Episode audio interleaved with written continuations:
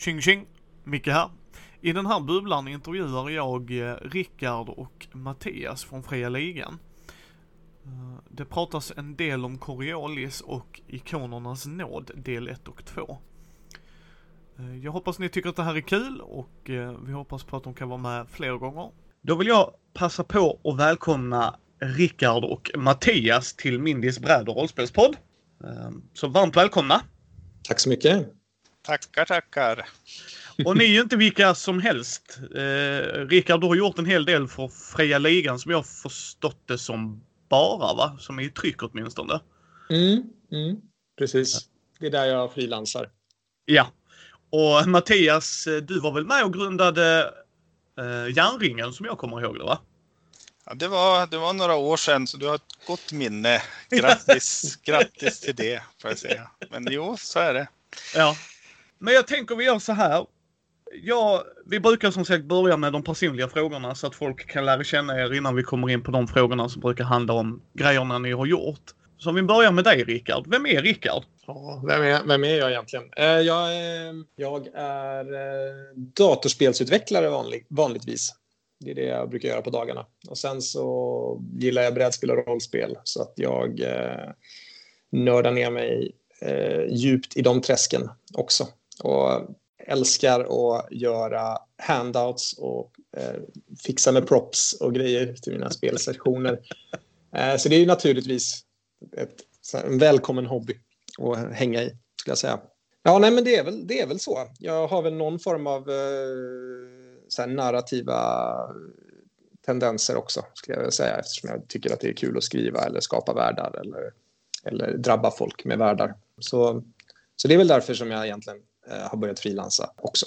För att kunna drabba fler än bara min egna spelgrupp, tror jag. ja, det är helt rätt. Sprid kärlek. Ja. och, och vem är Mattias då? Ja, en farbror börjar ju bli.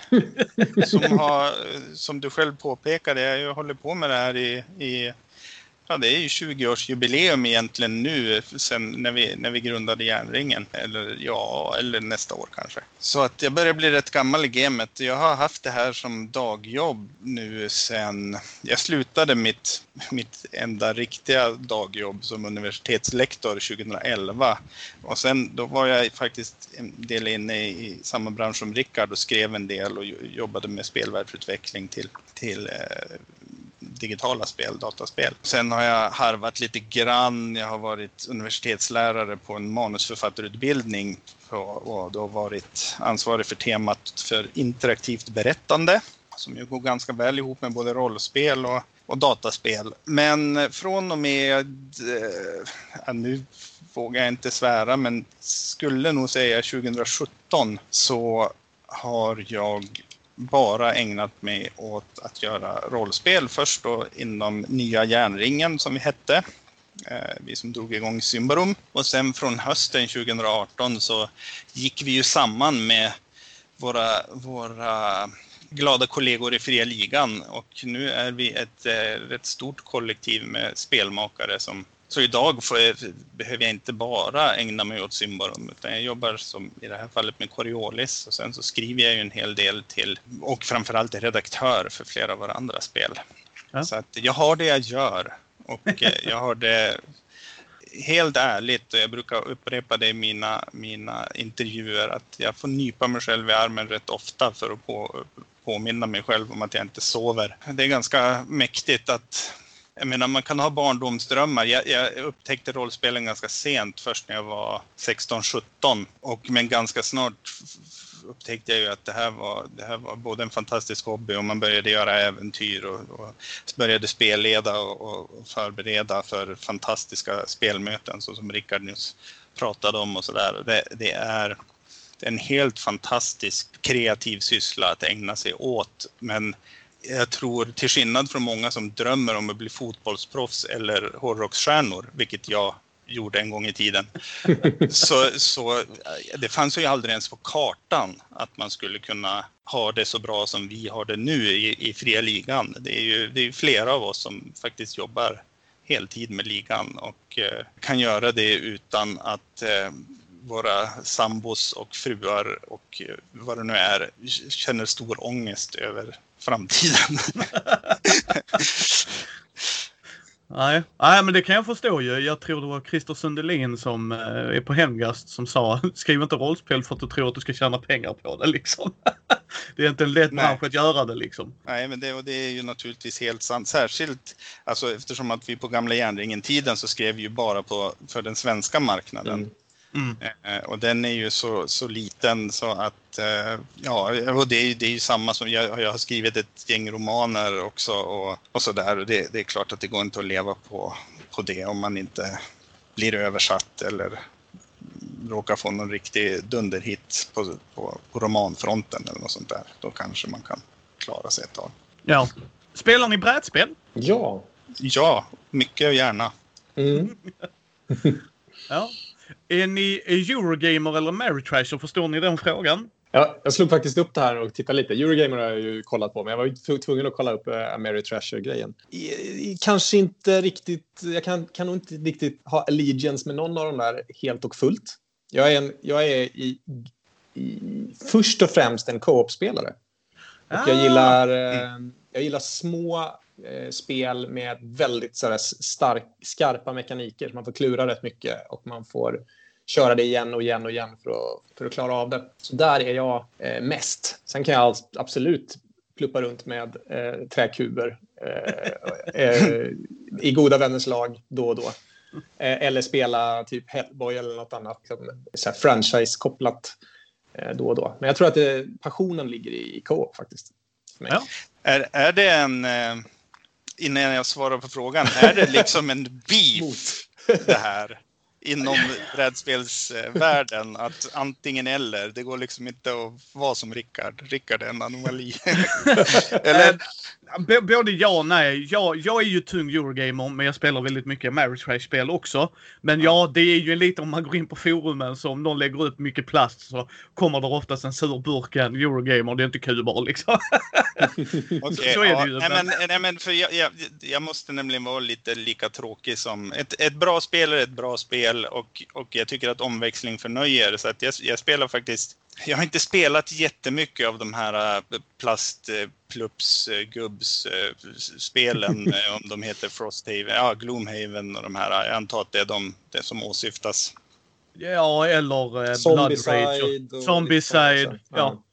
Ska jag säga. Eh, Men, men eh, när jag designar så hamnar jag oftast närmare Eurogamer-hållet faktiskt. Alltså, eh, jag, jag är förtjust när det finns när, med, med spel där det är ungefär 50-50 chans och strategi. Jag, jag vill att spelen ska ha ett element av den där eh, det, det tärningslaget eller dra kortet som, som liksom kan ställa allting på ända. Så, så, men och jag älskar också, med familjen spelar jag uteslutande co-op-spel, framförallt för att sonen är som fruktansvärt usel förlorare. Så att, och då blir det lite mer, gärna lite storydrivna saker som, som Mansions of Madness eller, eh, eller Descent eller sånt också. Jag vet inte riktigt vilken kategori, det är ju inte Eurogames i alla fall, men jag vet inte om Nej. det räknas till. Eh, det är mer Ameritrash skulle jag säga. Och jag Ja. säger, och det, det här är stora penseldrag för, för eh, som, som jag säger, när, när om du ska sälja ett tema till mig, då ska temat vara där jättemycket. För då älskar jag dem. Alltså, ett väldigt Ameritrashigt spel är ju egentligen Star Wars Rebellion. Det är ju Mm. ett av de bästa Star Wars-spelen ever. Liksom, tvåspelarvarianten, det är filmerna i en box liksom. Eh, Du har som du säger där eh, Mattias, liksom att åh, nu måste jag sätta det här tärningslaget för då jävlar, då jävlar vinner rebellerna liksom. Eller tvärtom att nu kommer vi och bara tjongar till dig här, nu blir det riktigt bra. Och, så att, men ja, ja men det är härligt och jag kan förstå det och jag, jag tycker på de senaste åren har ju co-op, samarbetsspel verkligen vuxit ännu mer och så att det har blivit mycket intressanta spel som finns på Ja, marknaden. de var, de var ju skräp förr faktiskt. Yes. Alltså det fanns inte bra co-op i princip. Men det, det är väl också, det kan jag tillägga till min eh, reflektion, det är att jag, jag gillar att se co-op-spel som kanske jobbar lite grann med så här, hur hanterar man alfaspelare, hur hanterar man Liksom så här, man måste ha kanske dolda element eller eh, faktorer av slump eller liknande för att man just kommer ifrån att en spelare spelar hela spelet åt alla andra. Så det, det är väl också en, eh, en aspekt av det, tycker jag. Ja, och det är liksom när man ser hur, eh, ta Pandemic, en av de bästa mekanikerna där tycker jag är när man ska flytta den mätaren och göra om liksom eh, proceduren och visa var det kommer nya kuber. Att man vet vad alltså, spänningsmomenten är där och jag menar den är ju ändå tio år gammal eller vad det är. Så att eh, det har hänt så jävla mycket på de senaste åren. Men det var väl egentligen Pandemic som började, som satte igång Yes. kurvan på lite mer avancerade co-op-spel. Ja, yes, det håller jag helt med om. Helt med om. Men vilket är ert favoritbrädspel just nu? Ska jag börja då? ja, det får du göra. Eftersom du eh, sitter och funderar. Tvekar. Eh, tvekar. Eh, just nu måste jag vara så tråkig att säga att eh, vem, jag spelar ju egentligen bara med familjen nu i dessa tider. Och, eh, och det innebär att de här, eh, ja, alltså träffa gamla järnringen-gänget och, och spela, ja vad brukar vi spela? Arkham Horror till exempel. Och sånt. Eh, det, det sker ju inte Nej. som det, som det brukade. Så jag, jag måste ju gå då på hemmaplan och säga att förutom är jäkligt förtjust i ett koncept som jag inte kan prata om och som jag håller på att jobba med själv. Det, det är nog min favorit just nu. Men av eh, titlar som jag kan prata om så måste den ändå vara Manchester of Madness för att det fungerar så himla bra med den här appen och att spela med familjen. Ja. Vilket jag har, har tyckt har varit en utmaning att hitta spel som, eh, som både frun och sonen Eh, och som, som dessutom funkar jättebra att spela. Vi, är, vi har två utflugna dot, döttrar. Eh, som, eh, men, så nu är vi bara tre i hushållet och då gäller det att hitta spel som, ja. som alla gillar och som har, funkar på alla nivåer. Eh, En fråga där Mattias, för vi har nämnt detta i podden en hel del. För det är ju second edition du pratar om där om folk Yes. undrar. Gillar du och eh, vad, vad tycker du om, för intro, när han som läser introtexten till äventyret, fantastisk mm. scensättare. Vad tycker du om att de inte använder det sen, att du får sitta och läsa själv? Eh, Det, det är lite både och det där, särskilt för oss farbröder som börjar bli skummögda. Men, men eh, jag antar att det är en kostnadsfråga eller? Det, det tror jag Sen, också. ja, men, och sen är det, jag måste säga det finns, kan finnas en, en designmässig poäng med det. Att, särskilt om man turas om att läsa. Det vill säga att jag läser mina utmaningar och så vidare. Att, att alla blir på något sätt, det går inte att somna ifrån. Plus då så här att ja, men även om jag läser upp det där så kommer alla att böja sig fram och läsa på skärmen och hänga med. Risken hade varit större, större tror jag att någon plockade upp mobiltelefonen eller gick på toan om det var så att, att det var en, en, en röst som läste upp det automatiskt. Så att eh, nej, jag har inget emot det i alla fall. Nej. Ja, Jag, jag tycker bara att det är synd att det inte fanns ett option för folk som hade velat ha det. För jag tycker hans röst är så fantastisk på att Ja, sätta stämningen direkt inför äventyret. Och, och det som är bra med det också för er kära lyssnare är ju att eh, vissa av de äventyren har vi spelat om och fortfarande inte vunnit över. Alltså verkligen, alltså Mm. det här är ju bisarrt svårt. Ja, ja precis. Replayabilityn är ju fantastisk i så mått också att, att eh, nästa gång man spelar om ett scenario, jag, jag har inte spelat om något så många gånger så att det inte har hänt, men de allra flesta scenarion då blir det ju en ny karta andra gången. Ja. Eh, Så, så, men, men med samma plott. Ja, Så att, precis. eh, men man hittar inte ledtrådarna på samma ställen eller personerna på samma ställen och så vidare. Så att det, det, det, replayability-värdet är ju, är ju större än på den gamla goda tiden när man satt och byggde eh, kartorna själv på bordet. Sådär. Ja. Och din då Rickard, vad är ditt favoritbrädspel just nu? Ja, nu har jag funderat lite. Eh, Säg vad du tycker, inte något som låter smart. Nej, precis. Jag, det är very trash då. Nej, eh, jag, jag inser att jag tycker väldigt mycket om Aeons End. Det har vi kört eh, rätt mycket. För att det är så, det är så tajt balanserat. Första gången man körde så, så blir man slaktad av bossen. Så man måste verkligen, man måste committa. På någonstans i spelet måste man committa där man bara säger så här, nej nu, nu skyddar vi oss inte längre, nu kör vi bara. Nu, nu, nu är det, antingen så gör vi det här i tid eh, och lyckas, eller så har vi missbedömt och då kommer vi att och dö. Liksom. Så jag, jag gillar det. Jag tycker det är bra. Jag gillar deckbuilding generellt. Så att, eh, från det perspektivet så tycker jag det är ett supermysigt spel. Eh, och sen så är det ett litet Kickstarter som jag faktiskt gillar som heter Tranquility tror jag. Som går ut på att eh, lägga ut siffror i en grid tillsammans. Och det, det var förvånansvärt mysigt. Det låter Ja. torftigt, men det är förvånansvärt mysigt. Ja, men det är Eh, härligt. Ja, sen har jag faktiskt, nu blir det här lite lokalpatriotiskt, men eftersom jag har jobbat på Tales from the Loop, the board game, Ja. under, under hösten Eh, så jag har spelat det ganska mycket och eh, det är riktigt kul. Jag har kört det med folk som kanske i normala fall inte skulle spela så mycket brädspel och de kan liksom relatera till det väldigt starkt, vilket jag tror har varit fördelen även med rollspelet tidigare, att, eh, när det kom. Att folk som kanske inte nödvändigtvis var så mycket inne i rollspelssvängen kunde ändå relatera till hur det var att vara ungar på 80-talet. Liksom kids som springer runt detektivbyrån och fixar grejer och sådär. Så det, det har också varit faktiskt en höjdpunkt nu under hösten. Ja. Eh, Rickard, visst är Pledge Managern är väl igång fortfarande mm, för, den ska, för det, den ska om någon vill är, bli sugen på att titta närmare på det. Ja, fin, fina robotar och mysig stämning när man springer runt. Det är jättefint. Ja, då ska vi försöka länka den. Ja, det får du jättegärna göra. Ja. Men, men vi lovar inget gott folk för jag ska sätta mig och redigera det här också. Ja. men, men är den öppen så när jag har redigerat klart så ska det länkas såklart. Men dum fråga, men jag ställer den ändå för att det är så vi brukar göra. Spelar ni rollspel? Fast ja. den frågan är ju inte så dum eh, som man kan tänka sig. För, just på grund av livet. Alltså i alla fall för min del och jag tror att, för, för mig att du har sagt något liknande Rickard, så det är mm. ju, man, jag spelar ju inte rollspel så ofta som jag skulle vilja. Inte ens eh, en tiondel så mycket som jag skulle vilja. För att eh, dels så är, blir man väl lite arbetsskadad att man, man, eh, man sitter och, och jobbar med med en viss sak hela dagarna så, så kan det ibland, det kan vara ganska skönt att, att bara plocka fram, ett, eller bara och bara, men plocka fram ett brädspel istället och spela med både familjen och kompisar. Så att det, blir, det blir inte alls lika mycket som det en gång var. Men eh, ja, svaret på din fråga är ja. Nej, men jag, jag, jag, håller med där. Det alltså, jag tror, för mig i alla fall så blir det så att när jag skriver mycket då har jag liksom inte riktigt tid att spela också. När det blir mycket jobb och frilans och allt sånt där runt omkring. Då, då hinner jag, hinns inte riktigt med.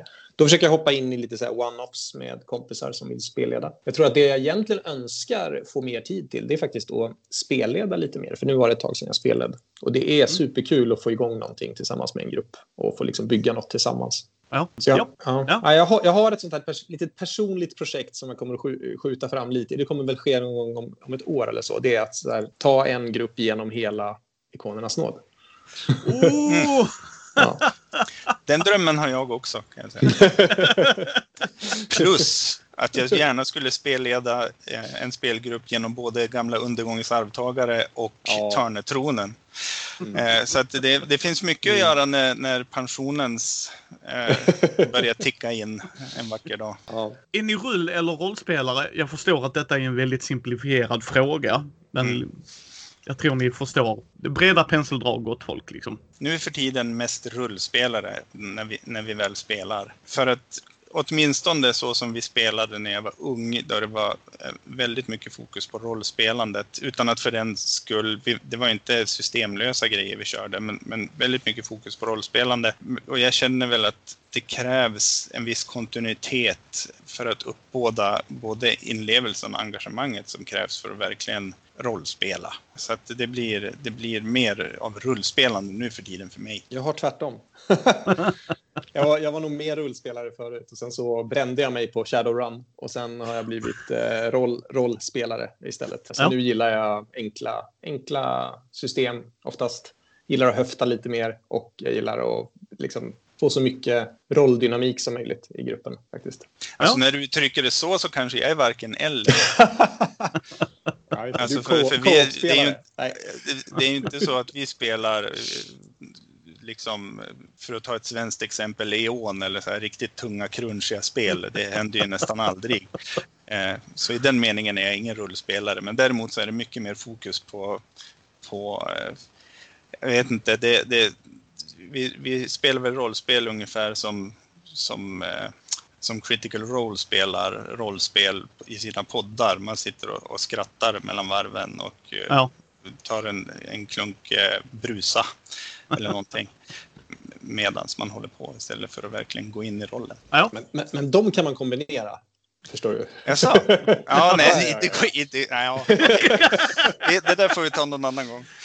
Ja, lugn lugn Men är ni hellre spelledare eller spelare? Som sagt, jag förstår med tid och att ni har jobb att göra, men om ni får välja perfekta scenario, liksom, vad, vad är ni helst? Spelledare, lätt. Ja, alltså det är så fantastiskt kul att få. Det är ju tidskrävande att förbereda, men det är ju helt magiskt när man får grupp, när man liksom bara får dynamiken och rulla och, och spänning och, och roliga situationer och, och sådär. Nej, jag, jag älskar det. Jag tycker det är fantastiskt. Ja, jag, jag gillar både och, men återigen på grund av livssituationen nu och det, det jobb jag har på dagarna så, så föredrar jag nog nästan... Alltså just nu sitter jag nog och längtar mest efter att spela som spelare med, med, en, med eh, en bra spelledare. Men som sagt, drömmen om att få spelleda de här stora maffiakampanjerna som har vuxit fram genom åren, den lever starkt.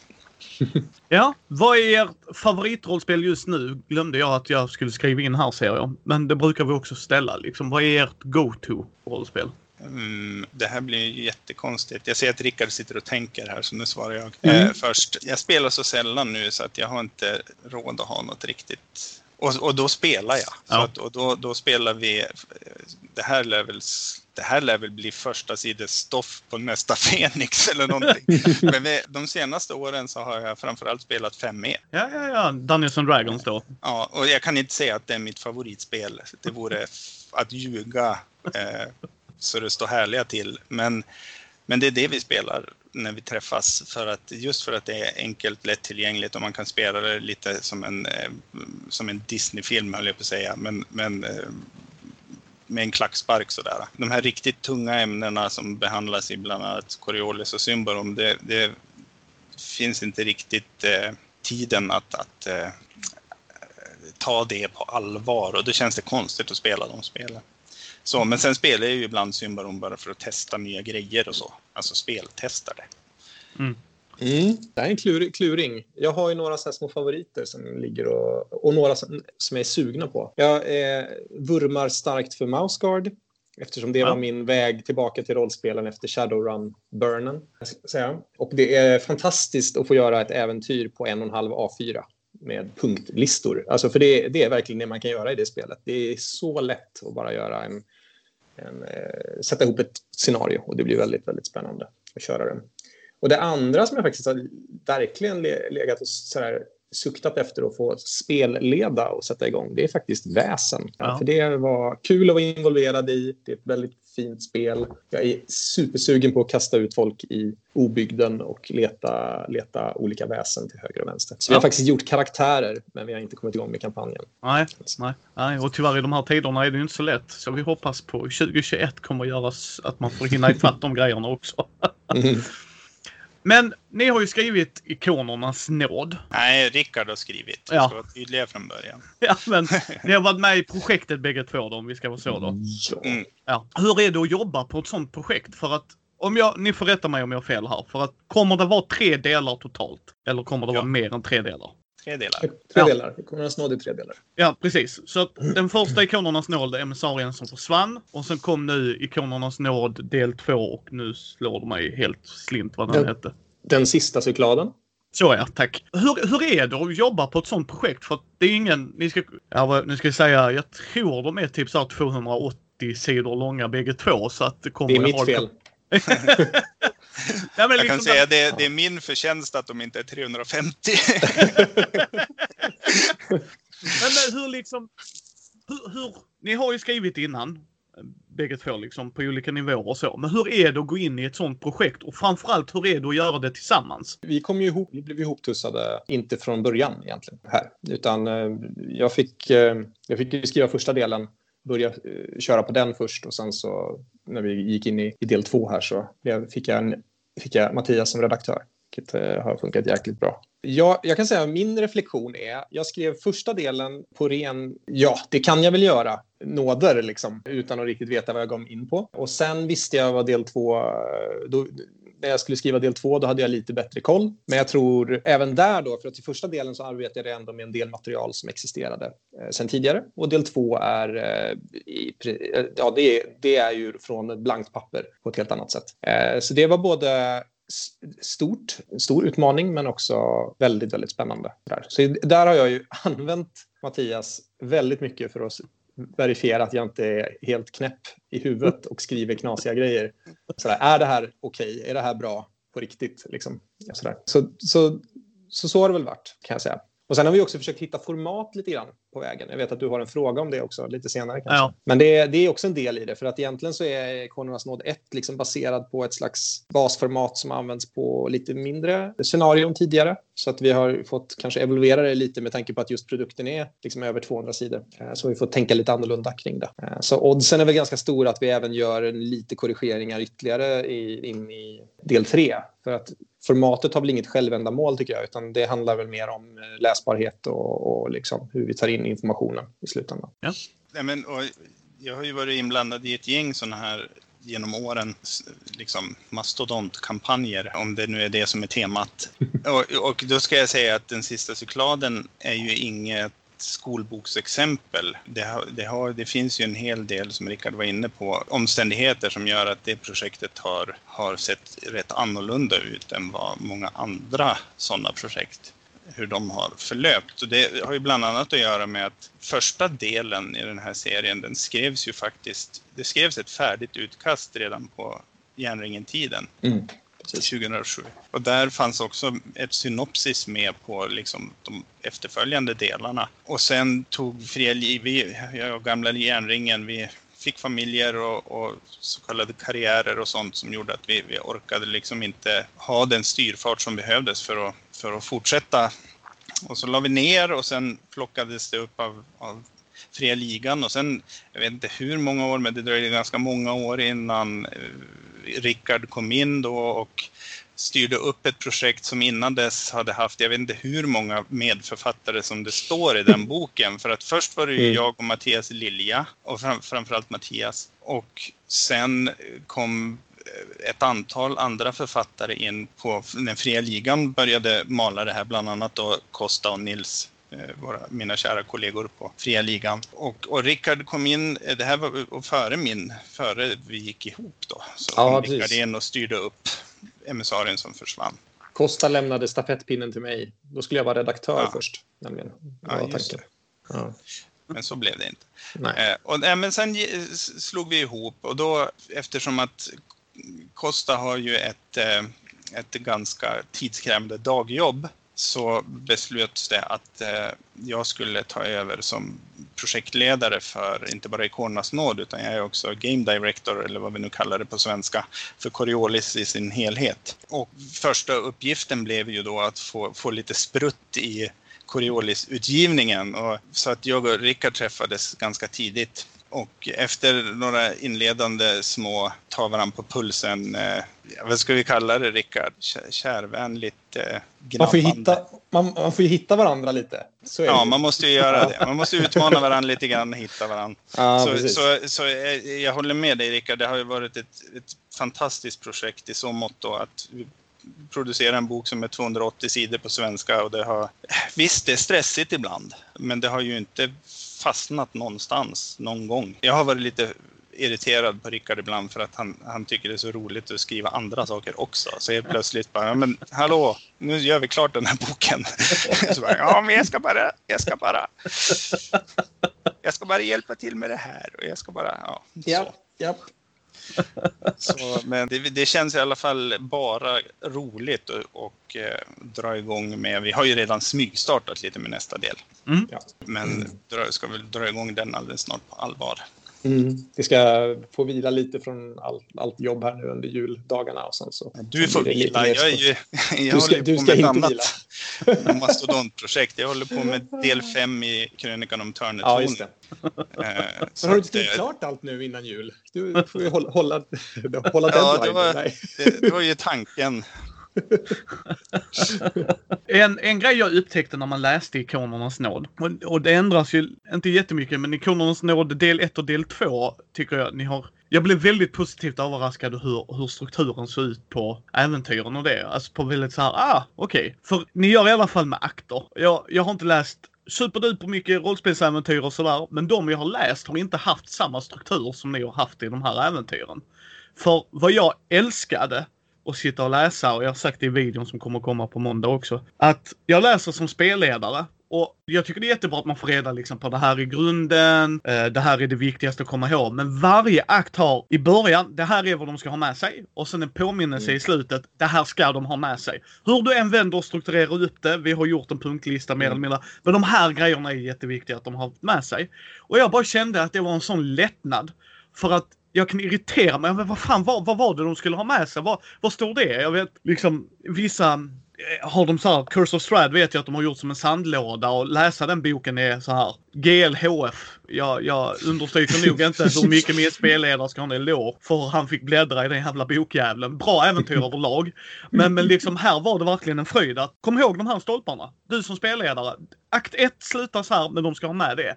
Hur, hur var tankarna det? För jag, jag kan bara prisa er för det för det var en sån fröjd att läsa. Det, det finns ju, eh, delar av det där kom ju med från emissarien kan man säga. Emissarien var ett, i, i, i väldigt hög nivå ett deckaräventyr och då blev det så otroligt viktigt att man förstod vad man gav sig in på och vad man gick vidare med. Och för att spelarna skulle, för det finns nämnt i emissarien att man kan hoppa lite om man vill. Man kan hoppa över delar eller hoppa vidare i akten och så vidare.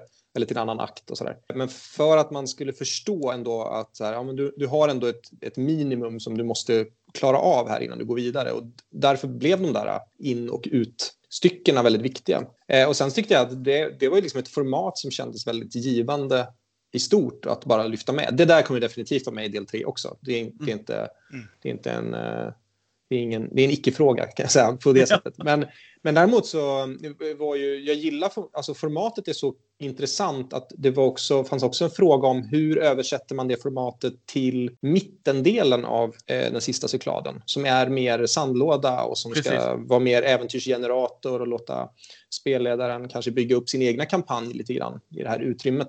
Eh, för det, där kände jag att det ändå behövde finnas en vad händer i horisonten? Liksom? Vad, behöver, vad behöver du faktiskt se till sker som spelledare? Eh, och vad behöver dina spelare plocka upp på? Så det finns med i strukturen också, fast på ett lite annat sätt då, skulle jag säga.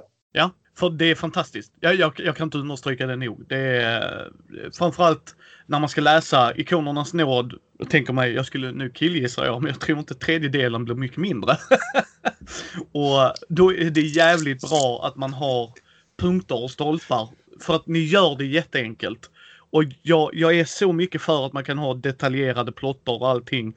Men snälla, snälla, snälla, snälla, gör att det är enkelt för spelledaren att hitta. Det finns inget värre som spelledare och låta sina spelare sitta och vänta och man bara bläddrar för att hitta, ja vad fan var det nu de var tvungna att ha. Men ja, Mattias. Ja, nej, jag bara håller med. Men viktigt att konstatera här att, vilket vi var inne på tidigare, formatet eller layouten eller designen, den, den liksom, hur, hur vi bygger produkterna måste ju på något sätt styras av vilken slags produkt det är. Och eh, i sandlådeäventyr, folk gillar olika. Vissa Ja. älskar äventyrslandskap, stora sandlådor där de får släppa loss sina spelare och bara rocka runt. Ikonernas nåd är, även om då del två, eller andra akten kan man säga, eller andra äventyret i, i Ikonernas, eh, alltså i sista cykladen, har karaktären av, av en, en betydligt öppnare berättelsestruktur så är det ju, det, den är ju fortfarande så att man, det, det, man har de här mecenaterna som i väldigt stor Mm. utsträckning driver vilka uppdrag man ger sig ut på. Så, Mm. så det ligger någonstans i spelledarens händer. Det blir knepigare att ha den där typen av, av struktur och sammanfattningar i ett helt öppet äventyrslandskap som är spelardrivet eller rollpersonsdrivet. Så, så jättekul att du uppskattade det, men jag tror inte att du kommer att få se det i alla våra produkter för att vi försöker ju också skriva eh, olika typer av äventyr för olika typer av preferenser. Ja, För där kan man ju se en stor skillnad i Svärdets sång till exempel som bygger på Mm. liksom lore discovery snarare och sandlådeupptäckter. Så det är ju en helt annan typ av, av spelande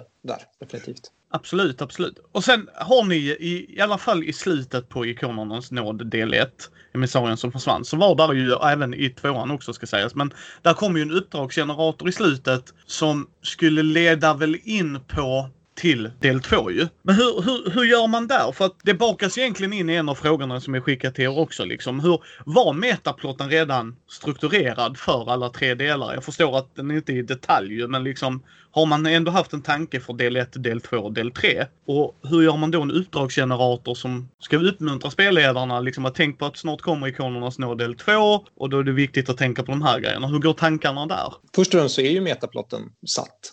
Eh, som du säger, i grova drag så var den satt. Jag skulle säga att den var inte helt satt i slutet av emissarien. För att när, vi, när jag startade upp arbetet med cykladen, då började vi liksom se till att vi hade metaplotten på riktigt. Liksom. För innan dess var det en massa embryon till grejer som flöt runt lite grann. Men kollar äventyrsgeneratorn till emissarien så är den egentligen byggd på att komponenter som har, som har lyfts fram i emissarien kan man få spela vidare. Och sen så råkar det vara så att delar av de elementen är saker som jag har valt att plocka upp på i den sista cykladen också. Eh, så man kan både, det, det, finns en del där som är så här, gå tillbaka, gå tillbaka till den här byn, gå tillbaka till, vad var det där, vad var de där eh, den här konstiga metallen. Vad, vad händer här? Liksom? Vad är, vilka är de här? Eh, vem var emissarien? Och så vidare. Och så, så finns det lite äventyr kring det. Och sen har jag bara valt att lyfta några av dem. Så det finns ju ins, liksom, kopplingar in i den sista cykladen som är om du valde, om du, om du har deltagit i den här typen av mellanscenarion eller valt att gå den här vägen, då finns det lite nya in, i, liksom riktningar in i i det här äventyret också. Eller de här äventyren. Ja, men det är ju väldigt, väldigt svårt att, att fatta beslut om olika element i del 1 om man inte har någon uppfattning om vad, vad som faktiskt, vad, vad, vad slutet kommer att handla om, om man, om man säger så. Mm. Så att eh, även om även om det är ett levande dokument eller bara ett levande hjärnfoster så, så finns ju en färdig, eh, finns ju en idé om hela kampanjen redan. Det gäller även den eh, eh, undergångens arvtagare när vi gjorde den, eller Törnetronen som jag jobbar på nu. Eh, och om inte annat så brukar man ha ett ganska tydligt high narrative. Alltså plotten kan leva och förändras och man, det dyker upp nya karaktärer som man vill väva in och, och, och det förändrar liksom strukturen och dynamiken i den här plotten. Men ofta så, åtminstone jag brukar se till att det finns ett high narrative som, som pekar ut ungefär var de olika delarna kommer att eh, utspela sig och ungefär vad de kommer att handla om och också i viss mån hur de rent designmässigt kommer att skilja sig åt. För att det, jag, mm. jag menar här, här kan man ha väldigt olika åsikter, men för mig är det rätt viktigt att skriver man en kampanj att då ska det finnas deläventyr eller eh, åtminstone element i deläventyr som alla ska kunna hitta sin favorit. Så att eh, älskar du mordgåtor så kommer det att finnas en sån någonstans. Älskar du eh, de stora öppna äventyrslandskapen där du, som släpper spelarna helt fritt så ska de finnas där.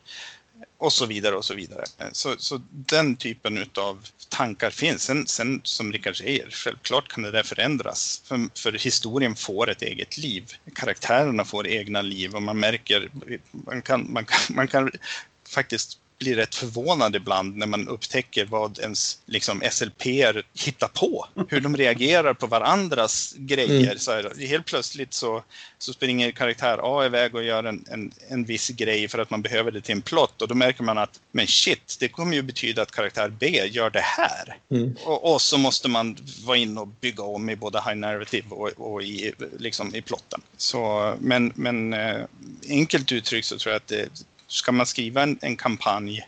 Jag, jag, undrar ju hur, i dessa dagar är ju, visst heter Dan Andersson, kan det stämma, som skriver Sylfens vrede? Jag har ju träffat Nej, Dan, honom flera gånger. Dan Johansson? Johansson, Johansson. Förlåt Dan. Jag, vi har ju till och med jobbat ihop på Umeå universitet vid något tillfälle. Kära Dan. Nej men alltså, hur, den kampanjen har ju varit ett, ett projekt som har pågått jättelänge. Men jag lovar, frågar du honom så kommer han ändå att svara att han har haft en rätt bra idé redan från start. Mm. Och det svarade han? Vägen. Ja, du har pratat med honom? Yes, jag har intervjuat honom så att det var Uh, absolut, och det, det, sa han. Att det var, han hade det utstakat. Och det misstänkte jag också, men för jag tycker det är så väldigt intressant. Och du var inne lite på den, för det jag gillar med del 1 i Ikonernas nåd. Du har detektivbiten och sen har du, nu, nu blir det lite strid för att det, det, är naturligt så som ni har valt skurkarna eller vad man ska säga. Jag, jag, tycker det är bra att vi inte nämner allt för mycket för att jag tycker folk ska kunna läsa de här produkterna utan att vi spoilar det. För, för, för eventuella mm. spelare liksom. Men, men där kommer ju stridselement, men där, och det är det jag gillar för att jag kan gilla strid i spel. Det kan jag absolut göra. Jag är inte alltid överförtjust i dem, men i den här biten så kändes det liksom, nej men det makes sense. För varför skulle inte skurkarna här ha strid? Alltså, bara, nej. Men och även då att ni ger tips och tricks att ja, ni kan gå en annan väg, men det är ju inte lätt. Alltså det blir ju de här mm. slagen, mm. det blir ju mm. svårare med tanke mm. på vilka som är skurkarna liksom att det inte, eh, och sen kan alltid spelledaren ha ju makten där och ändra hur mycket de vill ju, men men hur tänker man ut skurkarna? Alltså för, för någonstans har man ju en och det är en lös term jag har skrivit frågan med situationstecken för såklart. Men, men liksom man har ju någon som driver storyn vidare, någon som har en agenda. Och i Coriolis värld så är det ju mer än en individ ju. som, som sagt var, olika fraktioner och så nu, ju. Men... Nu, nu, nu, får du passa dig för det här gillar jag och, och Rickard att prata om. Ska vi börja med att säga, vem är, finns det skurkar egentligen? Ja. Eh, ska vi... Nej, men, Ja, precis. Det här tycker jag är super... Det, här, det spännande här tycker jag. Det, är, det, eh, det vi säger är skurkar, det är ju egentligen bara att vi har en viss konflikt i våra intressen. Yes. Här. Och sen så tycker jag att det finns en, en intressant sak att förmedla och det är det här, man tar, man kanske jag tror emissarien kör det definitivt, men man, man, man visar någonting för eh, ganska så blant och så, så använder man nästan pop, popkulturella referenser till att förstå att så här, det här, ja, de här är ju bad guys, det här fattar vi ju, det här är ju bara skurkar. Och, och då, då körs liksom spelarna in lite grann på att så här, we're the good guys, they're the bad guys. Men sen så tycker jag det är skönt när man får liksom djupdyka in i det här och få träffa de här mer eller, eller till och med när man kommer till en punkt där man kanske har delvis besegrat eller på något sätt eh, överkommit hotet. Man börjar förstå att så här, oj, oj, oj, oj, vänta nu här, det fanns mer här under ytan, nu skrapar vi lite här. Och har vi, har vi gjort helt rätt nu? Liksom, kan, vi, kan, vi, kan vi verkligen stå och slå oss på bröstet här för, för vad vi har åstadkommit? Det, Eh, det, det, tycker jag, det tycker jag är spännande med att skapa skurkar om man, om man nu ska liksom hård, hårddra det faktiskt. Och det tycker jag är det mest fantastiska med rollspel. Att i princip så om, om, om vi bygger, om vi bygger en, en, en setting med ett antal konfliktpunkter och representanter för de olika ytterligheterna i, i den här dimensionen av ovänskap så tycker jag att rollspel är som mest fantastiskt när rollpersonerna, alltså spelarna, får välja sina fiender. Mm. Det vill säga, de väljer sina vänner och då får de fiender på kuppen för att de mm. tar ställning i de här konflikterna som råder i spelvärlden. Och då, jag menar, det, det här ställer ju större krav. Man gör det ju svårt för sig som äventyrsdesigner. Det, det ska man ju det måste man vara medveten om om man ger sig in på den här banan. För att jag kan inte utgå ifrån när jag skriver ett äventyr eller nu när jag och Rickard håller på att jobba med Sista cykladen. Vi kan inte utgå ifrån att en viss fraktion eller en viss grupp eller en viss person är rollpersonernas fiende. Nej. Utan designen måste vara sådan så att den tillåter rollpersonerna att ja men det här, det här kan, det kan, det kan vara någon fraktion som 99 procent av spelgrupperna utser till sin värsta antagonist. Men då finns det en procent av spelgrupper som faktiskt väljer att liera sig med dem. Och i slutändan, precis som Rickard sa, det kan visa sig att det var de som hade rätt. Alltså i någon mening. Att, oh shit, de här de var inte så dumma i huvudet ändå. De hade, de hade några poänger i att bete sig som de gjorde. Liksom. Mm. Så eh, därmed sagt som svar på din fråga att, att några skurkar, några föregivna skurkar, det, det, finns det ganska ont om i de äventyr jag skriver och, och det gäller i hög grad även Coriolis-universat så som mm. både vi skapade det en gång i tiden och så som först då Fria Ligan och nu också Rickard har tagit över den stafettpinnen. Ja, jag tror att det finns en faktor där som är att man, i alla fall så som jag tänker på det så vill jag aldrig att fiende behålls. Alltså jag, jag, jag, jag skulle inte vilja att någon skapar en fiende eller att, att vi etablerar en fiende i del 1 och sen är det den som är, det är fienden hela vägen till slutet av kampanjen. Utan någonstans här på vägen så känns det som att det behövs ett större narrativ av toppar och dalar där man måste omvärdera. Och sen får man en ny passage där verkligheten ser lite annorlunda ut och sen så får man en ny passage och så fortsätter det så. Så jag tror att det är det viktiga. Om man får en eh, grupp som spelar igenom hela kampanjen och tittar tillbaks på den, då ska de kunna, då ska de kunna säga, kommer ni ihåg när vi kommer ni ihåg när vi hängde med de här personerna och trodde, trodde de var, var bra? Typ. Mm. Alltså, det, det är lite sånt... Liksom, vilken resa vi har gjort. De här sköt vi på förut och nu så är vi vänner. Och, alltså, så här, den typen av narrativ, eh, om man tar det långa narrativet. Mm. Ja, nej, det, det ska ni ha en eloge för, för jag tyckte det var väldigt intressant. Och i del två gjorde ni en grej som var också väldigt så här rolig grej att läsa. Som sagt att första, första delen så är det här introduktion ju, vilket jag gillar. Det sätter här tonen liksom. Nu, nu, nu är vi tillbaks i, i ikonernas nåd. Men sen mittendelen där i tvåan är ju väldigt sandboxig som ni säger liksom. Tänk på de här grejerna och ni ger ju verktyg till att göra liksom. Alltså ni måste ändå få ut någonting ut av det här. Kör sandboxigt men tänk på de här grejerna. Och Mm. vill inte ni improvisera fram eller så här slumpa fram eller kolla själv så har vi gjort tre delar för att kunna hjälpa spelledarna på vägen, vilket jag också älskar. Men samtidigt så hade ni bulletins, kan vi bara nämna, där eh, oavsett vad de gör så händer Mm. de här grejerna och tänk på när de händer. Och jag vet att kanske inte alla gillar det, men jag älskade det att oavsett vad ni gör i världen mina små vänner, shit is gonna, liksom, shit is gonna happen. Alltså världen lever Mm. ju. För mig blev Mm. den så levande. Liksom, Coriolis lever nu, eller universumet liksom. Tredje horisonten lever. Och hur, hur var tankarna där då? Det var, det, var, det var precis som du säger. Grundambitionen var hela tiden spelarna kan inte vara överallt på en gång. Och det här ska inte vara Smallville. Det ska inte vara så att allting roterar runt spelarna. Utan världen tickar på. Så här. Om eh, spelarna väljer att sätta sig i sitt skepp och åka i 30 dagar för att nå en planet någonstans långt borta, då är det 30 dagar som andra personer, andra faktioner gör saker på.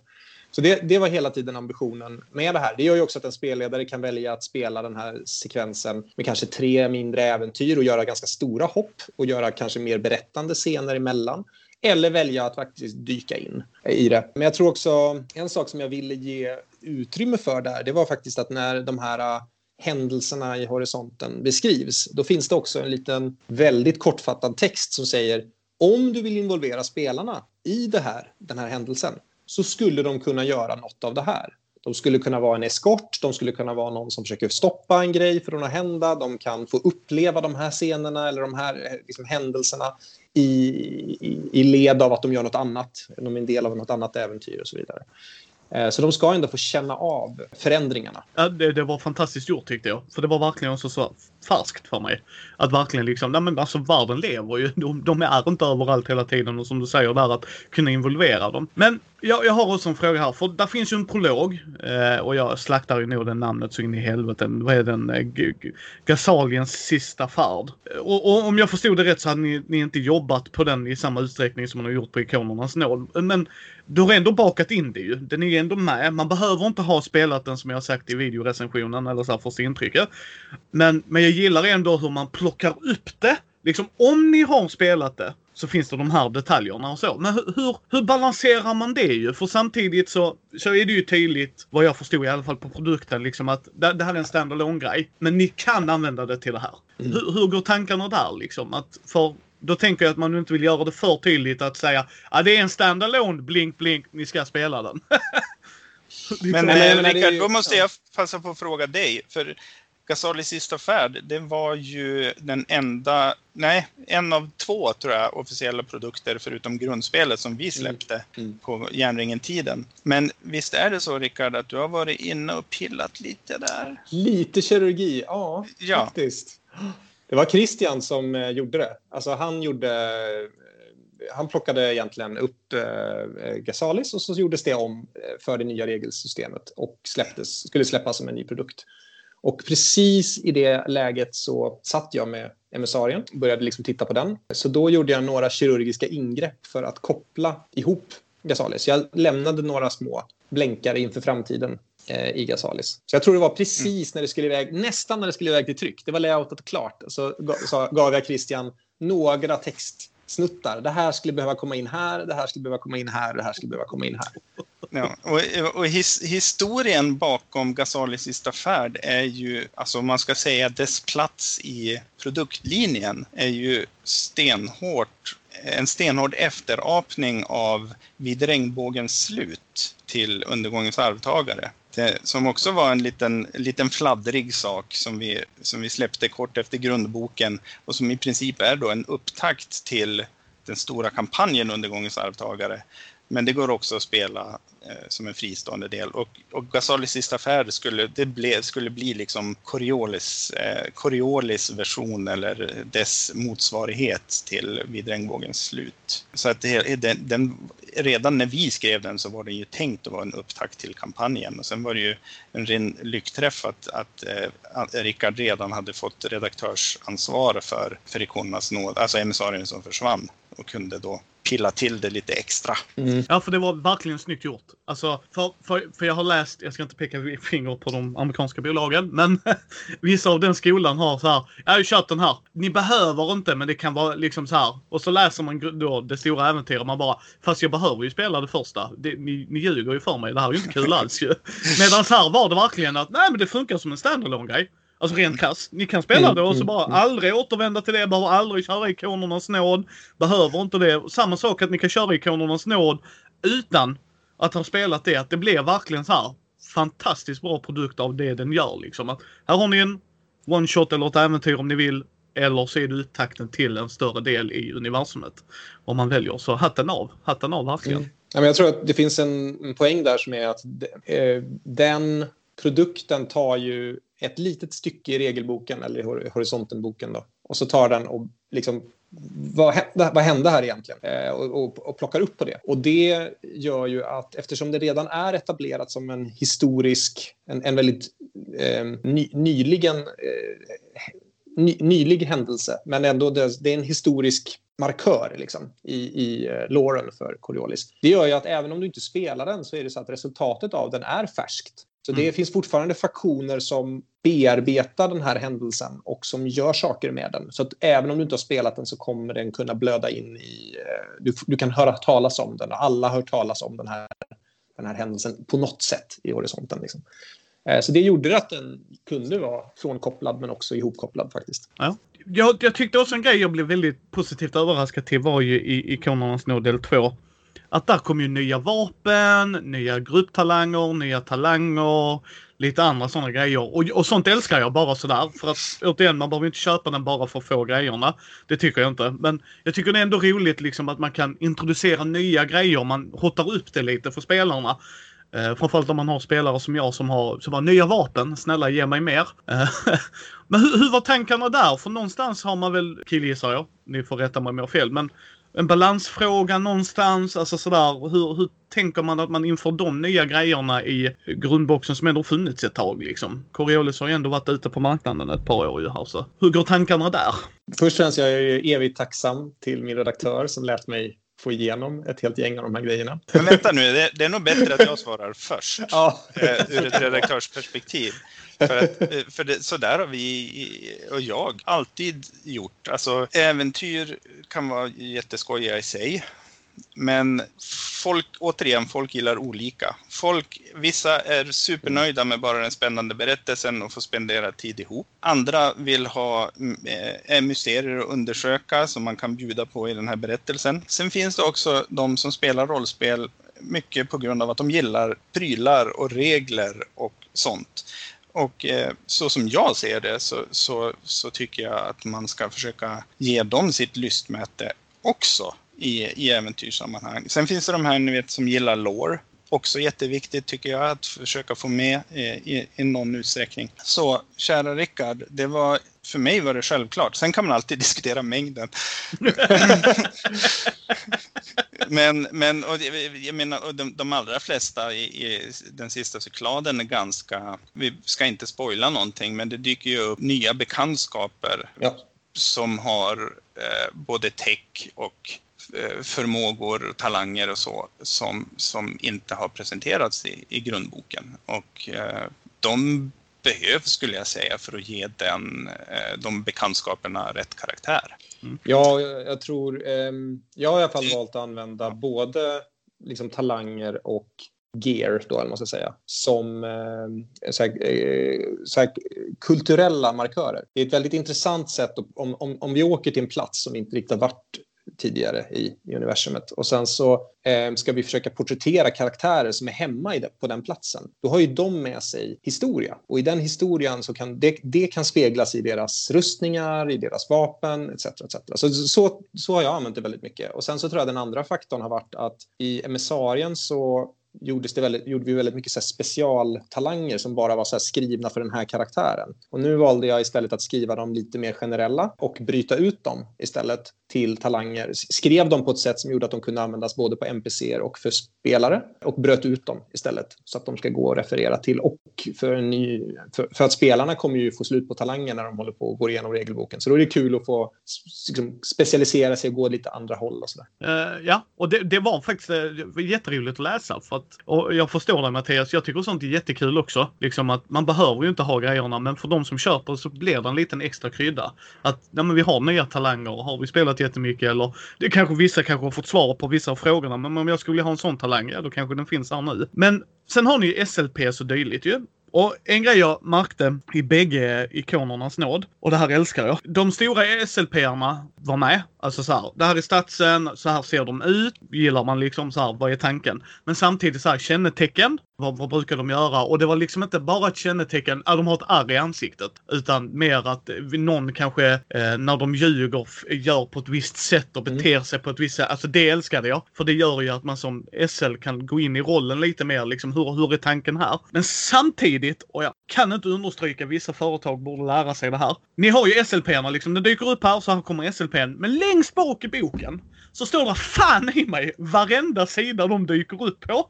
Så här är SLP eh, A. Liksom. Och det är sidan 30, 44, alltså sådär. Och det var sån fröjd, för det var det jag var lite orolig för. Jag läser ju från pann till pann när jag läser varje produkt till inför videosarna. Och jag var väldigt orolig. Hur fan ska man hålla reda på vad alla är? Det är lugnt, det har ni redan fixat. Så det är bara att titta där, okej, okay, var dyker de upp? Där, då bläddrar jag till den sidan och så kan jag läsa. Jaha, de bara nämns här. Det är lugnt liksom sådär. Men, men hur, hur är tankarna där? Liksom, hur, hur går man in i det för att vad vill man ge? För ni, ni gör ju stats då samtidigt som på, jag ska inte säga mindre viktiga, men mindre viktiga för att inte sätta stats på allting så får de Ta det mm. från regelboken här så får ni de mm. statsen mm. om ni behöver. Men hur, hur, gör man det på bästa sätt? Hur går tankarna där? Det, små karaktärer är ju fritt fram att lämna utrymme till spelledaren och bygga, bygga dem själva. Men jag har försökt att lägga extra vikt, i, speciellt här i del två, till att referera till hur får ni de statsen så att man inte behöver sitta och slå fram en karaktär. Men sen kan man ju välja att göra det. Man kan ju välja att mm. gå in ännu djupare i en karaktär istället. Bygga en eh, pariatet-pilot eller vad, vad, man nu vill. Liksom. Eh, så det är en en sak. Eh, sen så tror jag eh, den sista cykladen jämfört med Sarin som försvann. Det, det, är extremt många karaktärer här. Så vi fick alltså, vi var ju tvungna att välja ut vilka är det som är huvudkaraktärerna, definitivt. Men vi kan inte ehm, liksom statsa upp allt. Eh, eller statsa upp gjorde vi. Men vi, vi kan inte hålla på att skriva bakgrundsberättelser för alla. Liksom. Så det är ju, den här boken innehåller Eh, den sista cykladen innehåller en hel del tabeller med, med så här, här har du typiska agenter, här har du typiska bråkstakar eller vad det nu kan vara. Men, men det, är ju också, det roliga med det är ju att de där tabellerna, då har man ju ganska saftiga SLP-tabeller som man kan slänga in i sin egen kampanj sen. Eh, utan att liksom, eh, så, så det, den ersätter ju nästan lite grann den här lilla tabellen som, som då finns i ursprungsregelboken. Kan man säga. Men ja, ett index är viktigt. ja, det är fantastiskt viktigt. Jag ska, innan jag glömmer bort det ska jag passa på att pusha för att det finns ju, jag, jag hoppas och tror att den finns på våran eh, sajt, våran Coriolis-sajt, en pdf som man kan ladda ner där det finns det här äh, SLP-registret men också register över olika regler och annat. Mm. Även där kanske, jag kan skicka dig en länk om jag hittar den så kanske du kan lägga upp det också. Ja, absolut. absolut. För det andra ska jag säga att anledningen, det, det finns vissa som blir lite irriterade över mängden SLPs i, i ja, inte bara i sista cykladen utan det kan gälla andra eh, spel vi gör också. Men här kommer vi tillbaka till den där frågan att eftersom att vi inte kan utgå ifrån att rollpersonerna kommer att slåss med en, en viss grupp så behöver vi ju statsa, statta och eh, ge fullödiga beskrivningar på medlemmar för flera olika fraktioner. Och då blir det mycket SLPs. Eh, Så det, det kan vara en förklaring. Och sen det här med att man har med något, jag minns inte om vi, vad kallar vi det i, i Coriolis? I andra spel kan det heta maner, alltså man har någon, Mm. någon enkel karaktäristik som hjälper till att spelleda eh, SLPn. Det, det handlar ju om, och just för att det är så många SLP så kan det behövas någon form av spelledartips för att kunna åtminstone i viss utsträckning skilja de här karaktärerna åt vid spelbordet. Mm. Ja, alltså det är hatten av. Jag, eh, en av de få stora kampanjerna jag läst som jag verkligen gillar är den här. För att det var verkligen en fröjd att läsa. Att det var liksom hela tiden referenser men samtidigt så de grejerna som du säger där Mattias, det, det är ju inte så här 15 meningar utan det är bara lite tips här. Det här så. Eh, och, och, och, och du kan ju ta det för vad det är. Du behöver ju inte göra det om du, om jag läser er så här, den här personen är så och så, så kan jag ju göra en egen bild ju precis som all annan text. Men sen har ni ju i Ikonernas nåd del 1 utan att gå in för allt mycket som försöker hålla det så spoilerfritt som möjligt ju. Men där är det ju mycket tydligt mer uppstukat liksom att i akt 1 är ni här, i akt 2 eller så här, i första akten är man här, i mittenakten är man där och så mitt tredje akten så är man här. Och sen kommer och, och, det struktureras bra och jag tyckte man fick jättemycket information om varje del man är på. Vilket jag gillar jättemycket för att det ger ju spelledaren liksom vad är tanken i de här miljöerna vi spelar i? Liksom, hur går tankarna där? Men sen gör ni ju då äventyrsplatser i eh, liksom del två. Där ni också tipsar folk, vilket jag älskar. Ni kan använda detta i era kampanjer sen. För Mm. det här är äventyrsplatser. Mm. Eh, vilket jag älskar. Jag kan inte säga hur mycket jag älskar det. För att det, jag gillar att komma på själv också. Men det är också så sjukt jävla uppskattande att kunna få hjälp. När man har, för man har ibland, blir man trött som spelledare att alltid hitta på nya grejer och då är det roligt att kunna, oh den, den platsen vill jag ha där. Men då får man ju ändå anpassa det tänker jag mig någonstans. Hålla det, hur, hur går tankarna där liksom? För att gått från ena sidan där man kan ju använda de grejerna som äventyrsplatser också. Till att faktiskt göra det till äventyrsplatser. Liksom Mm. att nu är det specifika arbet, eh, liksom, så här, äventyrsplatser. Hur funkar det? Jag tror, eh, för mig så var det egentligen när jag satt med emissarien så satt jag, det är en by som finns med i emissarien kan man utan att gå in i detalj. Och det här är egentligen en by där spelarna egentligen, de spenderar kanske en natt där på sin höjd. Men den är ju spännande. Och det här är ju också en plats som ger en, eh, än en gång om vi går in på lore och eh, liksom den kulturella aspekten. Den här ger ju en, det här blir en förankringspunkt för spelarna i så här, jaha, så här kan man också leva i det här universumet. Så då blev det, när jag satt med det så satt jag och gjorde karaktärer och vilka, då satt jag och skapade de här konfliktytorna redan internt i byn, helt utanför spelarna egentligen. Och sen så kan man som spelare välja att använda de kontaktytorna eller, eller strunta i dem. Men det gör ju att du kan åka tillbaka. Liksom. Du kan till och med spela de äventyren och sen kan du välja att åka tillbaka dit av en anledning eh, och, och möta de här personerna igen. Så jag tror, för, eh, och det, från ett skrivarperspektiv, från ett författarperspektiv så krävs inte jättemycket mer jobb. Att så här, man måste ändå förverkliga den här platsen. Så att, att förverkliga den här platsen med lite, lite mer insikt i karaktärerna är inte mycket mer eh, tid, eh, skulle jag säga. Det kräver inte så mycket mer tid. Därför så tedde det sig ganska naturligt i den sista cykladen då vi då liksom gav oss utrymme egentligen eh, att skapa poäng, poängen, man kan säga så här, poängen med mittendelen av den sista cykladen var, jag har sagt det så här, här ska du få åka och uppleva några av de stora platserna i horisonten. Och, och, och en stor plats betyder inte att det är liksom fem stora städer, utan det handlar om att eh, några betydelsefulla planeter, några platser, några olika klasser eller faktioner som man vill försöka eh, eh, förmedla till spelarna. Och då, är det, då var det väldigt smidigt just att sitta och skriva dem, eh, som, skriva dem så pass utförligt så att de går att besöka på egen hand eller skapa sina egna äventyr i, som det även var poängen med här. Då. Sen delade vi med flit upp det också nu så att äventyrsplatserna är skrivna separat i boken och sen så kan man välja att spela vårt föreslagna äventyr på den Mm. äventyrsplatsen. Men man kan också välja att göra något eget eller ta något annat ur äventyrsgeneratorn placera där om man skulle önska det istället. Ja, Ja, ja det är mycket, mycket väl, väl utfört. Bra gjort. Bra gjort. Jag tycker det ger väldigt mycket tips och råd till spelledarna. Och sånt, sånt älskar jag. Alltså jag verkligen älskar det. Jag tänker vi ska börja avrunda för ni har nog massa annat ni måste göra. Men ni har ju jobbat med regelböcker bägge två. Alltså som jag har förstått på dig Rickard också, att du har hjälpt till på vissa hörn och det. Hur Ja. tycker ni det arbetet kontra att göra äventyr? Vad, vad är de största utmaningarna inom kaninöron? Men det, det, är- jag antar att det är lite olika sätt att tänka på när man jobbar på olika typer av produkter i rollspelsjobbet så att säga. vilken, vilken knepig fråga. Ehm, ja, det är, det är två helt olika saker förstås. Regelboken ska ju på något sätt kondensera ner. Coriolis är ett sånt spel, Symbaron är ett sånt spel och andra spel som jag jobbar på har vi också gjort så att spelen, spelen skapas med någon form utav metaplott i åtanke.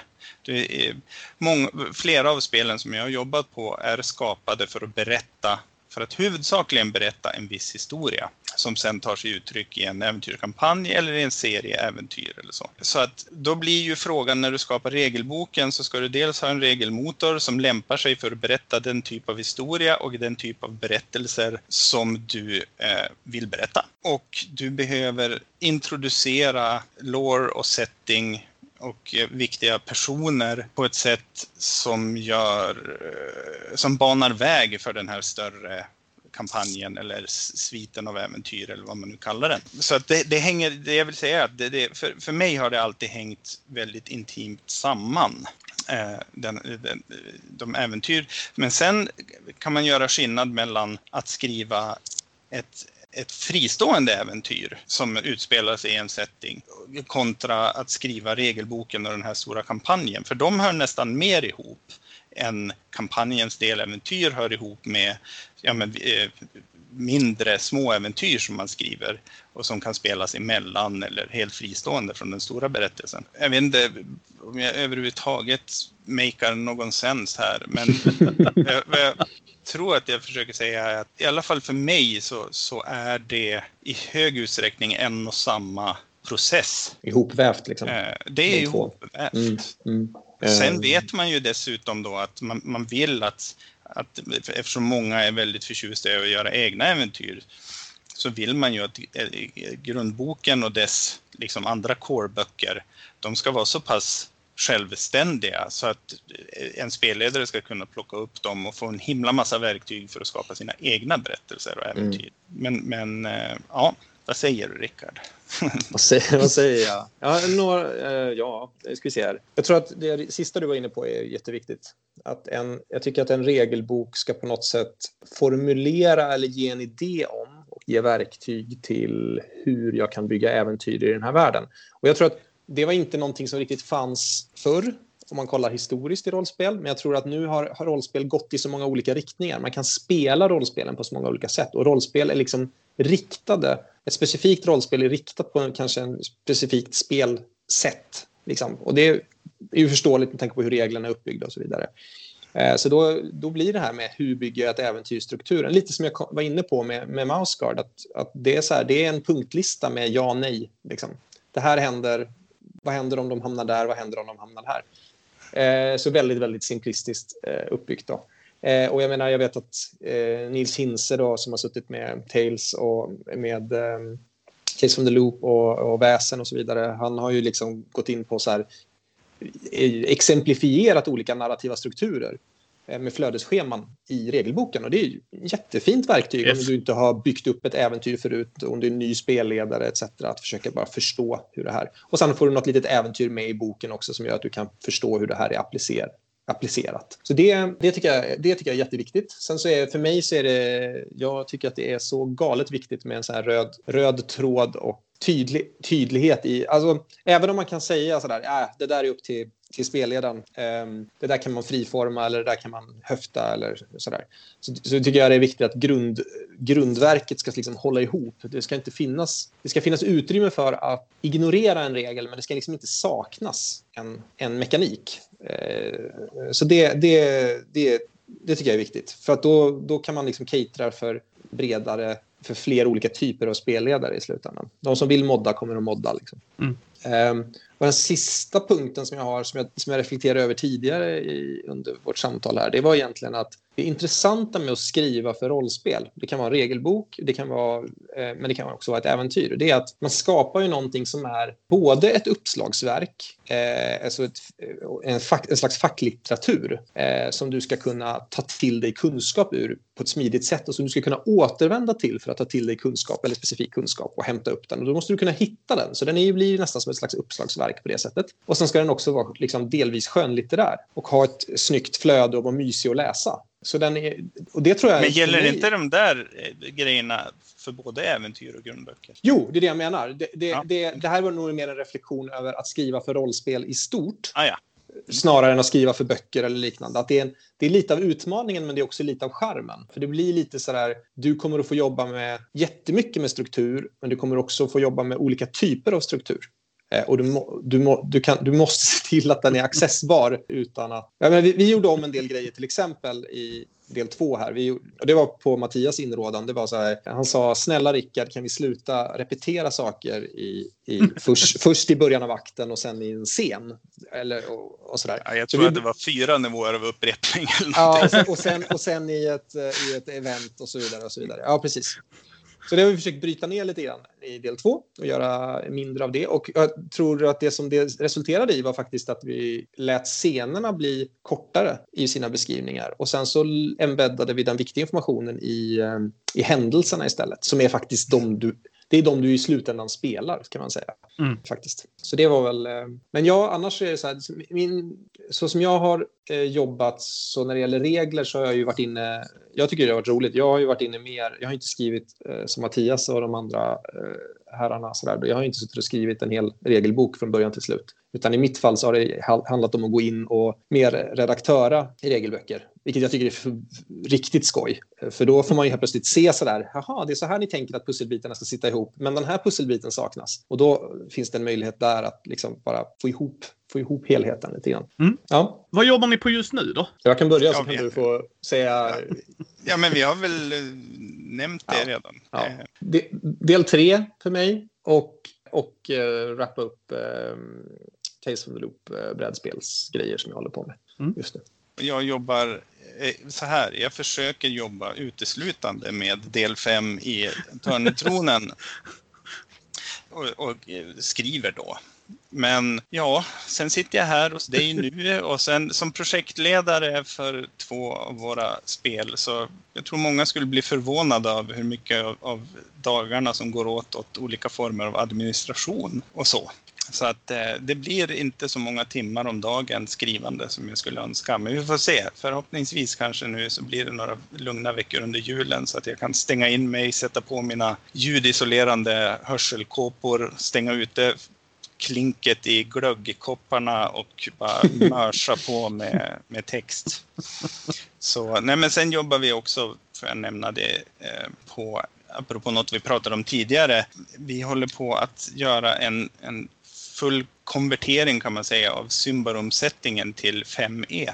Den Open Game License-grejen där. Så att man ska, man ska kunna spela i Symbarom-världen med, eh, med eh, 5Es regelsystem och eh, med vissa justeringar då för att symbaromifiera eh, den mekaniken. Vi, vi har nya regler för eh, korruption och skugga och eh, för vil, vila och lite andra saker. Och så en himla massa fräna eh, klasser och eh, eh, bakgrunder och sådana saker som, som är väldigt symbaromi, symbaromida.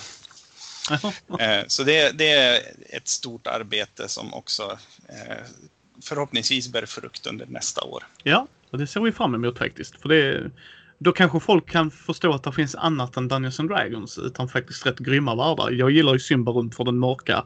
Mm. Alltså verkligen. Alltså det, folk frågar mig liksom så här, gillar du fantasy? Nej, alltså överlag gillar jag inte fantasy. Jag har aldrig gjort det. Men Symbarum och The Witcher. Jag såg tv-serien och så bara Ja, bara satt jag bredvid en av mina bästa vänner och så sa jag, där har du min fantasy. Ja men det är ju bara tråkigt depp och död. Yes! och det är min fantasy.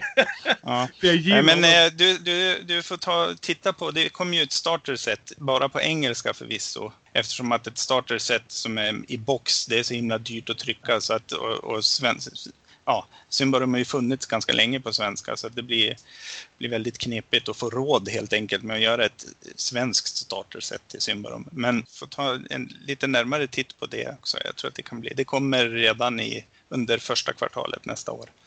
Jag har faktiskt många av dina böcker redan här, Mattias. Så eh, Yes. tank, tanken är att efter Coriolis så ska jag gå igenom alla Symbaron-böckerna. För jag brukar Oh. vilja göra kompletta eh, liksom till min första intryck att liksom här har ni strukturerat och Boel var jätteschysst och kompletterat lite så att Ja, men oj, då har du det Ja. du gör. Yes.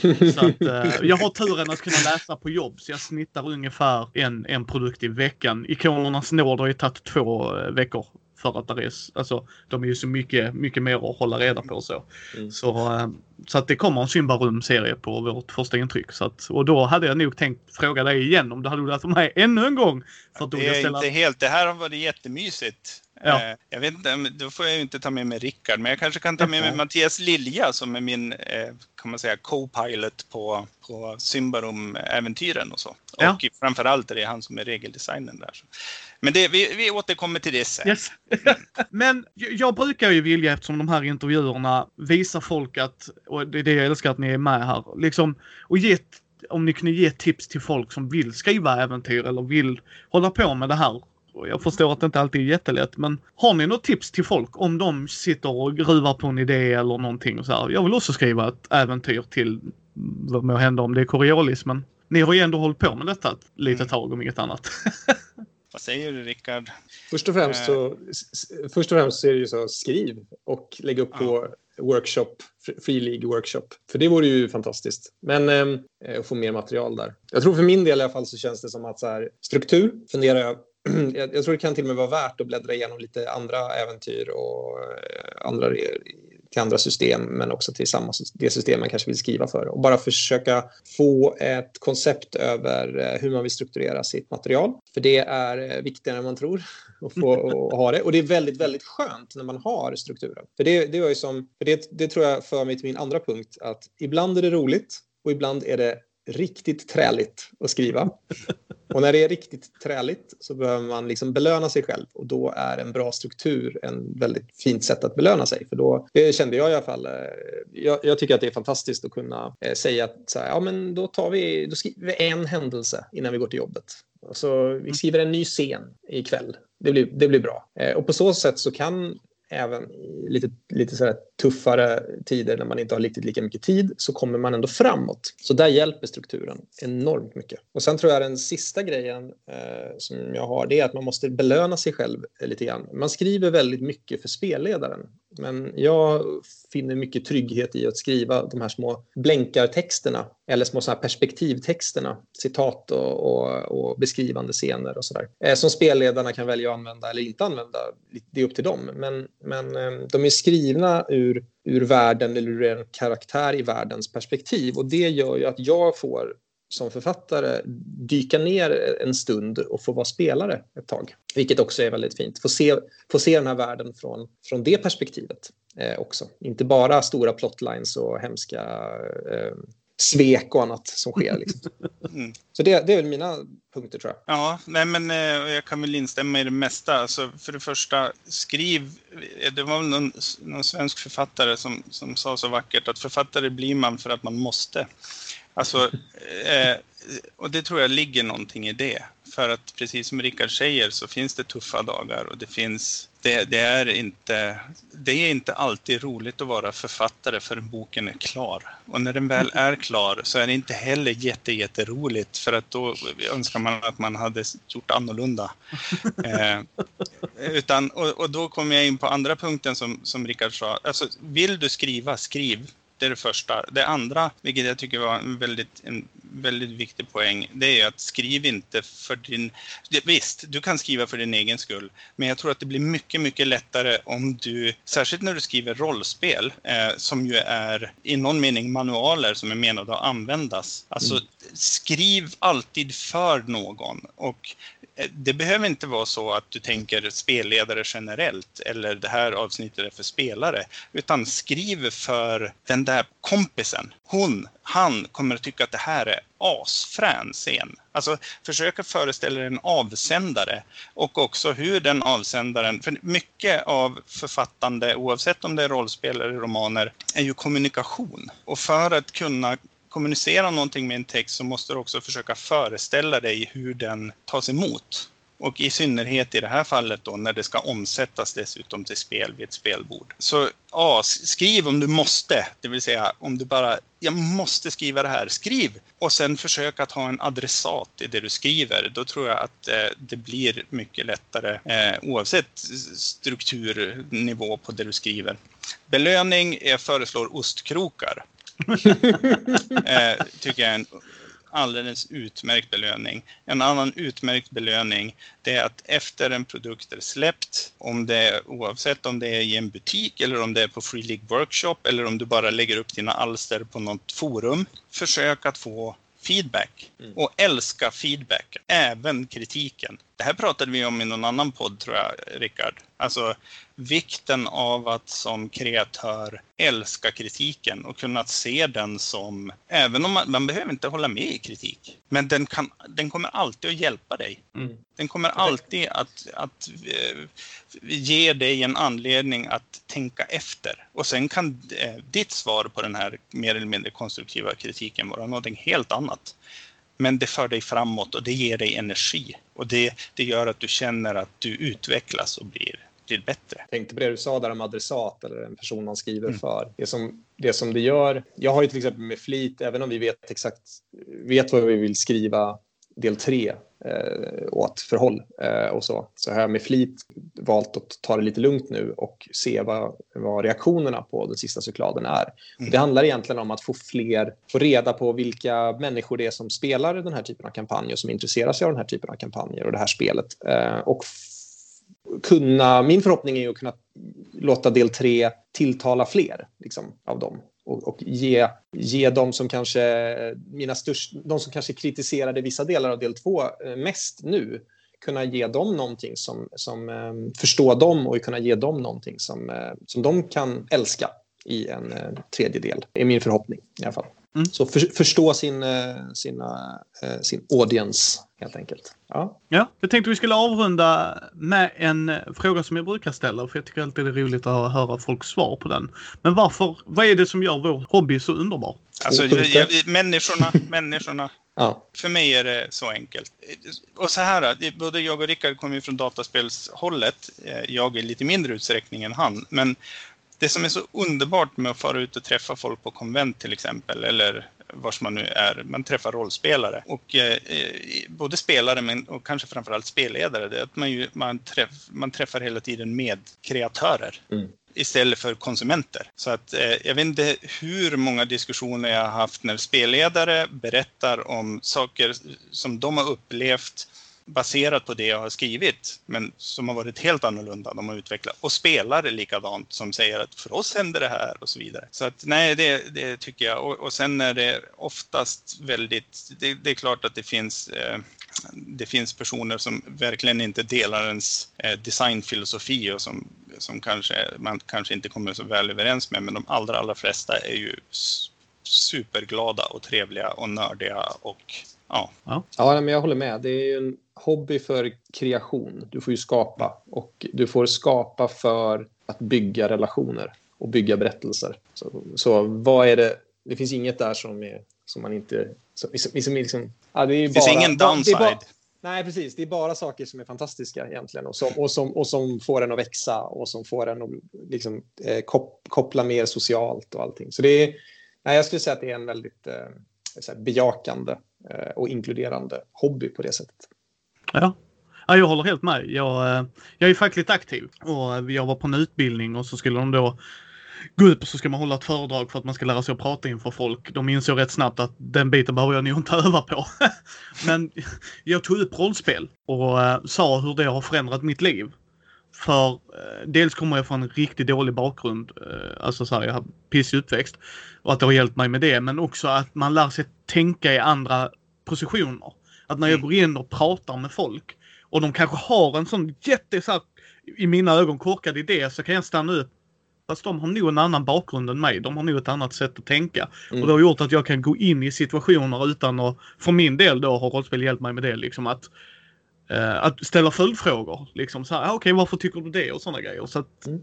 alltså jag, och sen att få skriva sina alster och dra ut vänner på äventyr som de ändå inte gör som man har tänkt sig. Men, men eh, jag har träffat mina bästaste bästa vänner i hobbyn. Så att jag, jag håller helt med. Tack så hemskt mycket för att ni tog er tid och eh, var med här och gästade oss i Mindy. Det var otroligt jävla roligt att få sitta och prata med er om just lite allmänt men även om just ikonernas nåd och det.